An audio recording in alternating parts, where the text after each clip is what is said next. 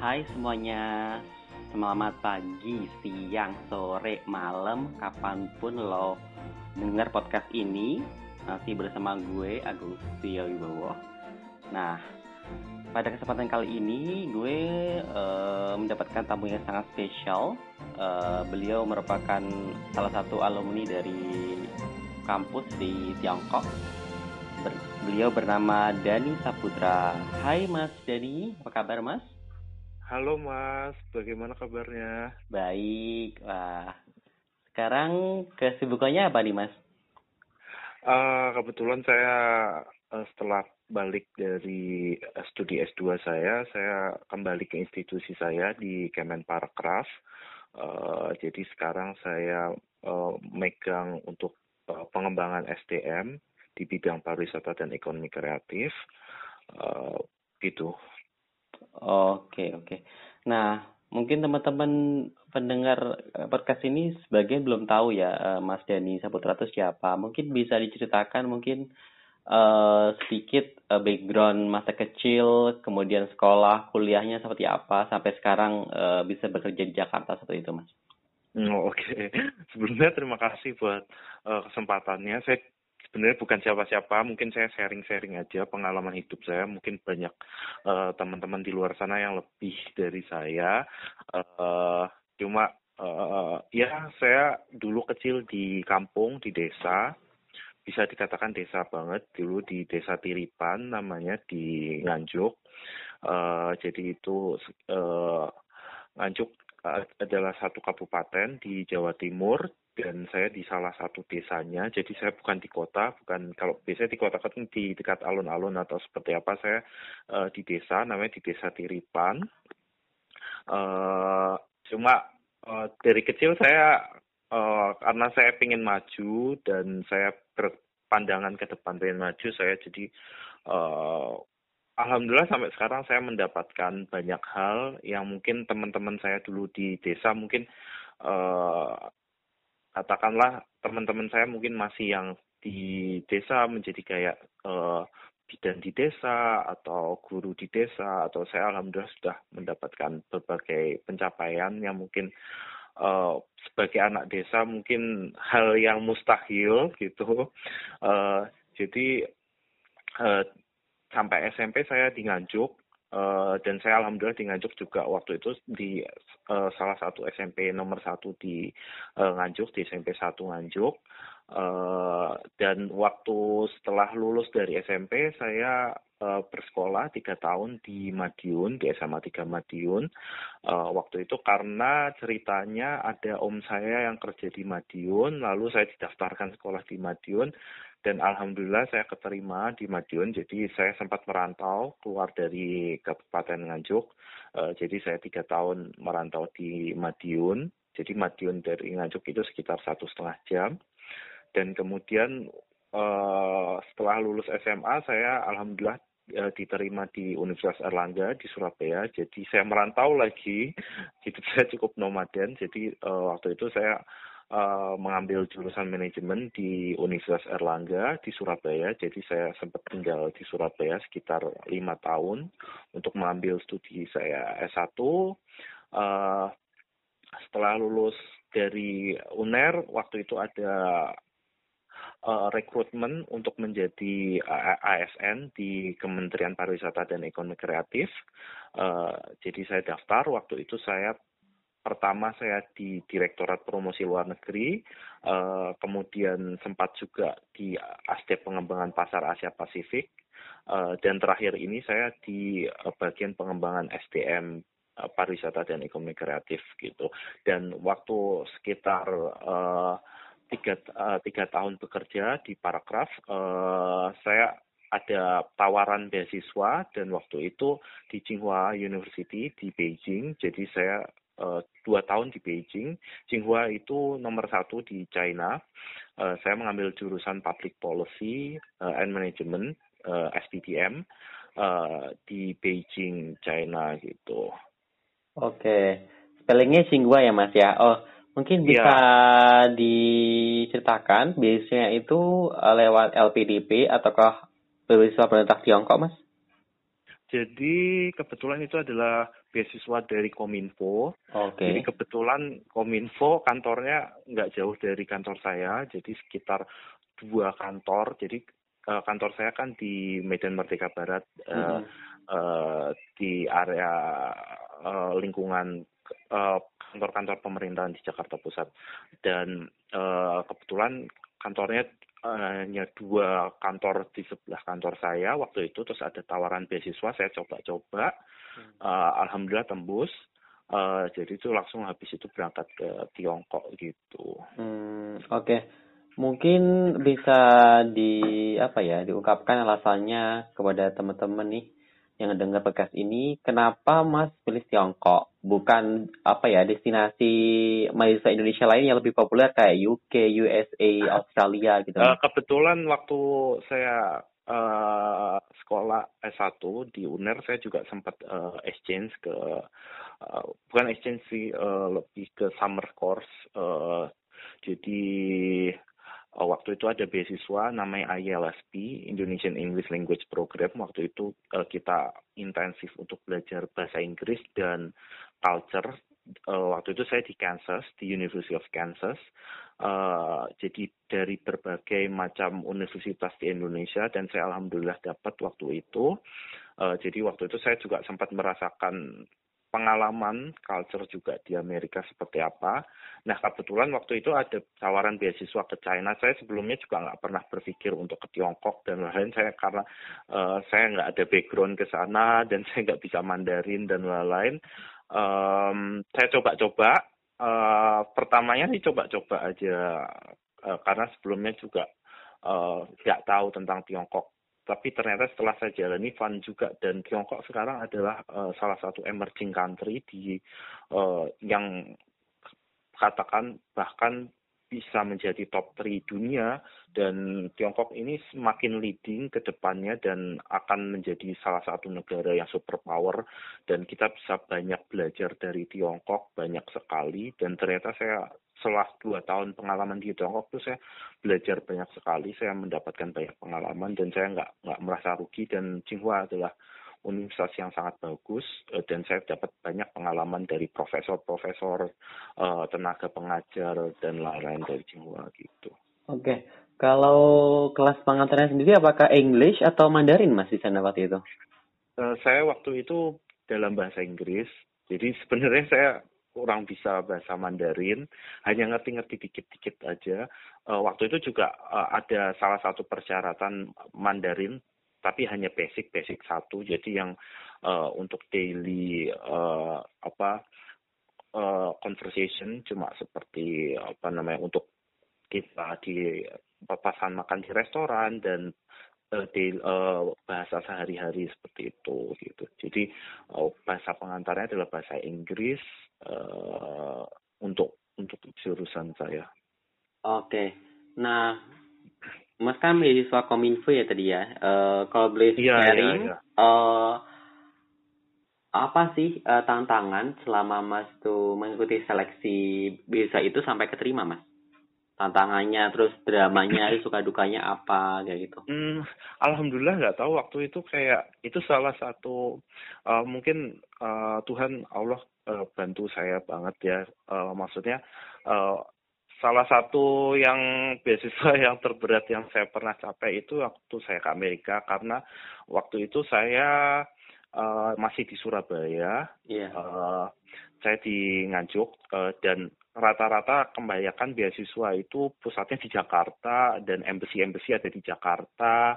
Terus uh, kayak jadi kayak kan ada persyaratan seperti IELTS atau TOEFL dan lain-lain itu kan minimal saya harus ke kota besar uh, yeah. seperti di Surabaya waktu itu jadi kayak saya harus uh, tes untuk IELTS di Surabaya dan saya harus cari-cari informasi tentang embassy-nya di Jakarta dan lain-lain untuk wawancara harus di Jakarta dan ini salah satu menurut saya kayak step yang mudah menurut saya karena saat, waktu itu saya di Jakarta dan kantor saya uh, hanya dua kantor di sebelah saya waktu itu terus uh, saya ngerti situasi di Jakarta. Jadi saya waktu mau uh, wawancara di embassy saya buat daftar apply visa di embassy saya tinggal naik busway dan uh, uh, tinggal apa namanya saya udah tahu caranya seperti itu.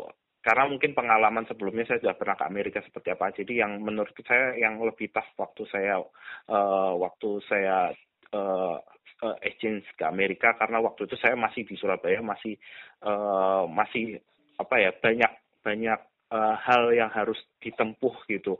Ketimbang waktu saya yang di uh, untuk uh, Tsinghua ini. Tetapi uh, ya banyak tantangannya sih sebenarnya kayak sebelumnya kan saya nggak ngerti tentang Tiongkok sama sekali. Saya takut juga takut waktu itu aduh nanti gimana ya nanti katanya Tiongkok kayak gini negara komunis atau seperti apa gitu ternyata uh, beda jauh dengan yang saya bayangkan gitu. Nah kalau menurut Mas Dani ya selama di Tiongkok nih khususnya di Beijing ya di ibu kotanya gimana sih pendapat atau persepsi masyarakat Tiongkok khususnya yang milenial terhadap Indonesia mas kayak apa tuh di sana? Hmm,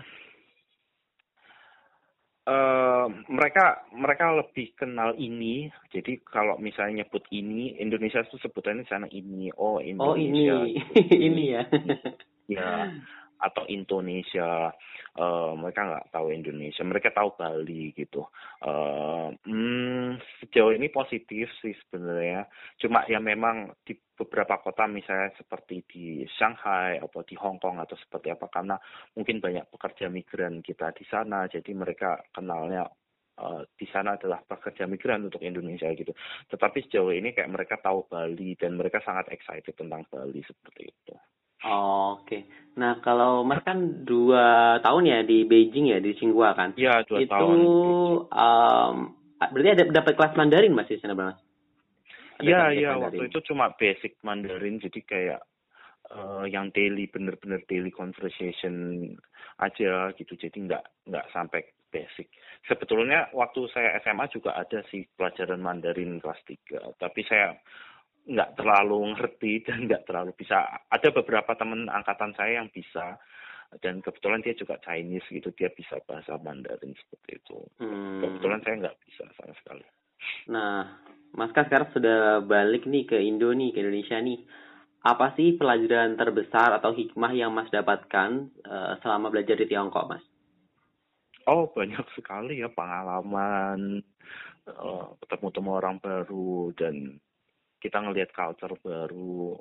Sebenarnya untuk kayak keluar negeri saya sering kayak saya pernah ke Australia uh, Amerika juga dan negara kayak Jepang dan banyak banyak negara saya hampir ke mana-mana. Uh, dan keluar negeri bukan hal yang aneh sebenarnya buat saya. Cuma Beijing uh, China hal yang baru karena di sana tidak semua orang bisa bahasa Inggris Uh, jadi kita memang harus belajar bahasa lokal dan ngerti adat mereka juga karena berbeda karena misalnya dengan Western culture orang Amerika seperti apa orang China seperti apa orang uh, uh, Eropa seperti apa itu totally different seperti itu jadi banyak sekali hal yang saya pelajarin gitu. Oke. Okay. Kalau seangkatan Mas nih di ketika Mas ini maksudnya di Singwa, berapa sih mahasiswa hmm. Indonesia yang ada di Singwa waktu itu? Kira-kira ada berapa? Kalau total bukan dari angkatan saya sih banyak sebenarnya dari dan dari fakultas-fakultas lain seperti dari teknik, dari uh, macam-macam gitu. Kebetulan waktu saya yang dari Kominfo kita ada 10 orang, cuma yang waktu itu uh, 9 orang dari uh, eh, ASN dari Kominfo. Jadi saya yang ASN bukan Kominfo gitu. Cuma waktu itu semuanya ASN, sepuluh sepuluhnya ASN. Cuma uh, saya dari pariwisata dan ekonomi kreatif, Paragraf. Uh, jadi total waktu itu 10 orang gitu yang kita berangkat ke Tsinghua gitu. Nah, kalau di Indonesia, di Indonesia sendiri kan banyak Chinese food ya, banyak banyak restoran uh, Chinese food. Nah, kalau di sana sendiri apakah Mas terkait makanan mengalami apa ya misalnya kayak kesulitan mendapatkan makanan halal atau gimana nih mas di Beijing mas? Memang rada sulit sih karena uh, mayoritas kayak banyak sekali memang yang uh, ada yang mengandung babi dan sebagainya dan mungkin mereka masak bareng juga dengan minyak seperti itu gitu uh, kan uh, cuma banyak juga kayak uh, uh, restoran-restoran uh, apa namanya untuk uh, yang buat halal seperti terutama kan ada uh, penduduk China yang memang dari uh, ini apa namanya Uighur uh, ya bukan Iya, ya seperti itu kayak yang mereka memang muslim seperti itu. Jadi kayak saya sering juga di dekat kampus juga ada yang jualan seperti nasi goreng yang khusus untuk mereka uh, yang halal seperti itu banyak sekali dan kayak Indonesian restoran Indonesia dan kita juga bisa masak juga seperti itu. Sebenarnya tidak begitu sulit sih. Cuma memang kita harus berhati-hati karena uh, mereka kan masaknya bareng-bareng macam-macam dengan uh, minyak babi dan selain lain-lain seperti itu gitu. Hmm, oke okay, oke. Okay. Kalau untuk ini sendiri apa namanya uh, tugas akhir atau tesisnya sendiri, apakah sistem di di sana tuh mirip atau berbeda mas yang di Indonesia mas? Um, hampir mirip. Saya saya nggak tahu ya soalnya saya nggak ambil S2 di Indonesia.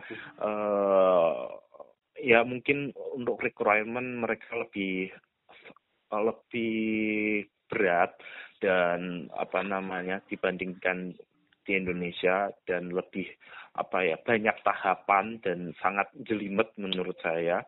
Uh, jadi kayak banyak hal step-step step yang harus dilalui uh, seperti itu tapi sejauh ini ya alhamdulillah saya bisa lulus gitu hmm, oke okay. nah kalau untuk uh, ini nih sistem pembelajarannya sendiri tugas-tugasnya terus bacaan-bacaan papernya sendiri itu apakah uh, mas mengalami kesulitan atau mungkin shock karena mungkin sadarnya tinggi mas di Singhua Hmm, enggak sih, karena setiap biasanya mereka kayak kalau ada uh, buku atau apa biasanya ada di perpustakaannya mereka jadi kita nggak kesulitan untuk mencari. Dan misalnya uh, untuk kayak uh, paper uh, apa namanya jurnal dan lain-lain pasti sudah mereka pasti sudah search yang memang bisa dibuka di perpustakaannya mereka seperti itu. Um, sebelumnya karena saya juga udah sering exchange ke luar negeri dan lain-lain jadi saya udah cukup mengerti maksudnya memang kuliah di luar negeri memang lebih tough dan lebih apa ya lebih uh, ketat daripada di Indonesia uh, mungkin kayak saya kalau di Indonesia bisa kayak leha-leha gitu dibandingkan di luar negeri yang ya yang sedikit berbeda tapi karena dengan kayak saya sudah banyak pengalaman seperti di luar negeri jadi kayak um, ya sudah saya ikutin ritmenya yang diminta karena memang Tsinghua adalah universitas nomor satu di China, jadi memang pilihan uh, seperti UI-nya di Indonesia. Uh, jadi untuk keluar pun juga tidak segampang itu gitu. Jadi ya memang kita harus berusaha ekstra effort gitu. Kalau persentase international student di Tsinghua ketika Mas di sana itu uh, seberapa tinggi Mas? Khususnya di kelas Mas deh mungkin angkatan. Saya kurang paham ya, cuma cukup tinggi, cukup diverse. Jadi banyak juga yang dari uh, Amerika Latin, Afrika, uh, dari Timur Tengah, dari Pakistan, India, macam-macam sangat sangat diverse, lumayan sangat diverse untuk ukuran di Asia gitu. Karena kalau misalnya kayak di Amerika dan lain-lain, mereka memang sangat-sangat diverse karena mereka sudah sudah lama untuk sistem pendidikan dan lain-lain mungkin untuk kayak Asia kan masih baru merintis akhir-akhir ini aja, tapi mereka cukup bagus dan menurut, menurut saya cukup diverse gitu. Hmm, oke. Okay. Nah, ada nggak sih uh, kan tentu ketika Mas Dani sebelum berangkat ke Tiongkok mungkin sudah memiliki memiliki persepsi ya persepsi tertentu apa pun itu ya. Nah, ketika Mas di sana, tiba di Beijing dan hidup selama dua tahun di sana, apakah persepsi Mas tadi berubah, Mas? tentang Tiongkok? Uh, ya sebelumnya saya saya saya nggak ngerti China sama sekali. Uh, saya belum pernah ke sana sama sekali. Saya pikir kayak negara yang terbelakang atau seperti apa gitu. uh, ternyata wow saya amazed gitu kayak wow ini negara ini kayak um, kaya banget apalagi saya di Beijing kota besar banget gitu. Sampai saya pulang ke Jakarta kayak ke kampung gitu rasanya. Karena ini negara oh maju sekali. Uh, saya nggak nggak expect sama sekali yang bisa keren sekeren itu gitu. Karena makanya uh, ternyata sekarang memang negara-negara Asia kayak China Korea, uh, Jepang dan lain-lain tuh mulai develop. Jadi kayak ya sekarang makanya bagus sih kalau banyak mahasiswa Indonesia yang ke arah Asia dan lain karena sekarang mungkin uh, ya negara-negara yang lain seperti kayak Eropa, Amerika dan lain-lain itu kayak majunya zaman dulu gitu. Okay. Uh, sekarang Asia tuh kayak yang mulai develop gitu. Jadi yang uh, penemuan dan lain-lainnya banyak gitu. Jadi ya adalah hal yang bagus gitu kalau untuk mahasiswa-mahasiswa Indonesia kalau memang mau uh, studi di Asia karena sekarang kayak kiblatnya sih ke arah sana sih menurut saya. Hmm. Oke. Okay. Uh, Mas kan sekarang sudah di Indonesia lagi nih. Apa sih yang apa namanya? Mas paling rindukan dari Tiongkok, khususnya Beijing, Mas? Apa yang paling dirindukan? Oh, banyak ya. Kalau Beijing kota besar, kayak saya bisa menemukan banyak hal itu saya saya sering ke mana-mana dan wow mallnya bagus-bagus kan uh, dan yang hanya itu sih kayak uh, banyak hal gitu kayak uh, Beijing kota yang sangat menyenangkan saya suka itu. Uh, banyak sekali yang saya rindukan makanannya orang-orangnya. Orang-orangnya baik sebenarnya cuma karena kita keterbatasan bahasa aja jadi kayak dan mereka memang logatnya seperti itu. Jadi uh, uh, bukan dikira mereka jahat atau seperti apa, tapi karena mereka memang logatnya seperti itu gitu. Uh, jadi banyak sekali yang dirindukan dari China, dari Beijing, dan saya bersyukur sekali dikasih Allah kesempatan. Karena saya sebelumnya yang itu saya bilang saya nggak pernah berpikir, saya nggak pernah kepikiran tentang China sama sekali gitu gitu jadi kayak semelama ini kayak saya punya cita-cita kayak ke Amerika ke Amerika eh, Australia dan lain dan alhamdulillah saya sudah pernah sih ke Amerika, Australia dan negara-negara lainnya. Tapi saya nggak pernah berpikir untuk ke China sama sekali. Tapi alhamdulillah waktu itu random dan ya jalannya dan saya sangat bersyukur dan banyak sekali yang dikangenin sih. Oke, nah ini uh, apa sih pesan-pesan Mas Dani kepada teman-teman yang mendengarkan podcast ini yang hmm. tertarik uh, belajar ke Tiongkok khususnya di Tsinghua? Oh, Uh, jadi kalau kalian punya cita-cita ke Tiongkok, uh, go for it karena menurut saya China dalam beberapa tahun ke depan akan bakal menjadi negara yang emerging yang bisa setara mungkin saya bilang dengan Amerika gitu. Karena mereka sangat ambisius dan mereka sangat uh, mereka negara yang sangat besar di lokasi yang sangat strategis yaitu di tengah-tengah benua. Jadi untuk ke arah uh, Asia uh, di bawah seperti Australia dan ke Amerika dan mereka sangat strategis karena mereka di tengah-tengah menurut saya dan mereka sangat kaya mereka negara yang besar sekali negara yang besar sekali banyak yang bisa dipelajarin dan nggak hanya di kota-kota besar nggak hanya di uh, Beijing atau Shanghai seperti banyak kota-kota seperti Xi'an juga punya banyak sekali universitas yang bagus seperti uh, Xian Catong University dan lain-lain. Di Shanghai juga banyak sekali Shanghai Catong dan lain-lain.